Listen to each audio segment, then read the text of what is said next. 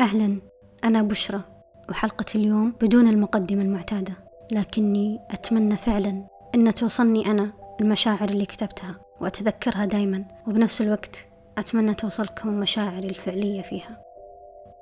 يقال دائما أن الأيام السعيدة وقتها يمضي بسرعة. فتفنن الإنسان في تصويرها ووصفها وشرحها. مثلا عندما وصف القرب في ضوء الشمس الدافئ الذي يغمر مكاننا فنشعر بأننا في حضن واحد. أو عندما وصف الحرية عن ترنيمة العصفور عند شباكي يغني ويلعب ويردد صباح الخير يا حلوة صباحك الصباح يا نور المكان.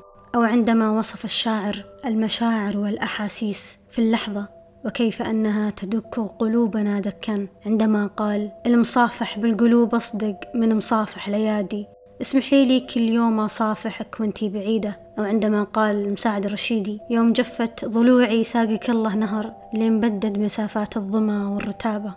والكثير من التوثيقات على مر العصور والأزمان والأيام في الماضي والحاضر والمستقبل تجعلنا التوثيقات واللحظات السعيدة الخاطفة السريعة ندرك حجم النعم التي تملأ أيامنا. فنسمي أيامنا بالأيام الحلوة ونسمي أوقاتنا بالوقت السعيد. وكل ما طاحت على خدك الدمعة رجعت تتصفح اللحظات اللي توازن مشاعرك وترجع تضحك كأنك ما ضحكت وقتها. وتبتسم وأنت ماسك خدك وما كأنك عشت هاللحظة من قبل. وترجع تعيشها مرة ومرتين ومليون. لكن توثيقاتنا لأيامنا ولحظاتنا ومواقفنا التي تحدث بسبب غريزة الإنسان في أنه يثبت وجوده في وقت ما أو في لحظة ما ليست دوما مضحكة وسعيدة. أن يوثق الإنسان هو أن يصور الحدث حتى لو كانت خنجرا في قلبه. كلما عاد ليرويها يون من عمق الأسى تجبره في تصوير ما يرى وشرح ما يحدث. إيه هذا يصير حتى لو عمرك ما تخيلت إنه ممكن تشوف أحداث مختلفة عن المتعود عليهم للأسف.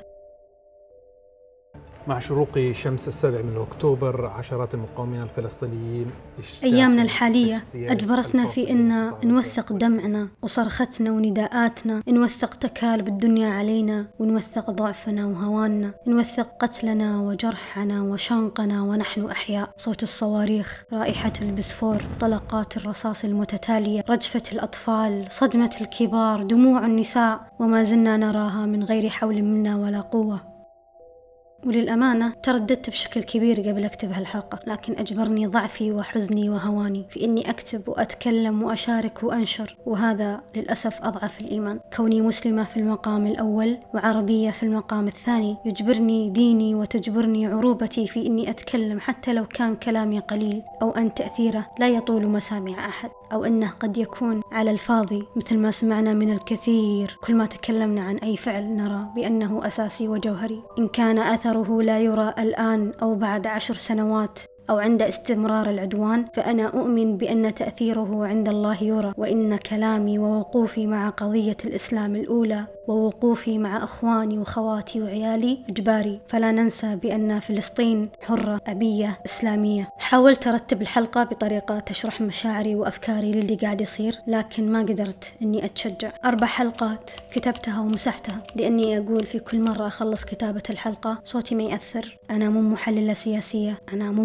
مؤرخة. أنا مو بالشخص الصح عشان يستمعون للناس. وفعلا أنا لست سياسيا مدرك للسياق الحاصل ولست أدبيا يوثق المعاناة كمحمود درويش ولا محللا تاريخيا ولست حاكما ولا ذات منصب. لكنني أملك ما يملكونه جميعا. أملك قلبا يشعر بالثقل وقلة الحيلة. أملك سمعا يخترق بسبب الصرخات والنداءات المتتالية في كل صبح وليل. أملك نظرا قد جف دمعه من رؤية قهر الرجال وخوف الأطفال ورجفة الشباب والكثير من النساء الواقفين دون حراك تكذيبا وهذيانا بأن ما يحصل ليس إلا حلما وسينتهي لكنه يستمر ويستمر وقوفهم دون حراك والمحزن والمؤلم هو عندما يتحركون بعد أن تشتعل فطرة الأم عندما يصاب طفلها مثل أم يوسف.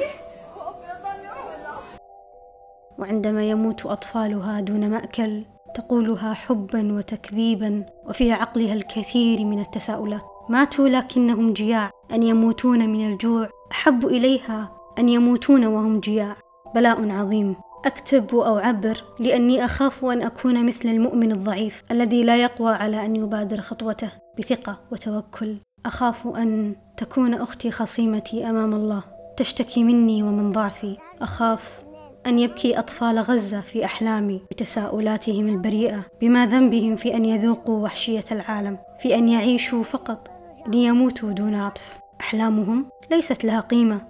طفولتهم قد سحقت تحت الأنقاض ضحكاتهم قد أصبحت شعرا منظما دقيقا شديد اللهجة لكل العالم. كل إيمان ويقين أن حتى ولو ما فزعنا حتى لو ازددنا وهن وضعف حتى لو ما تحركنا إحنا بيستبدلنا ربي بقوم أفضل شئنا أم أبينا؟ قوم أقوى وأجرأ وأكفأ. قوم تقويه كلمة الله رجال صدقوا ما عاهدوا الله عليه ولا يخافون شوكة شائك.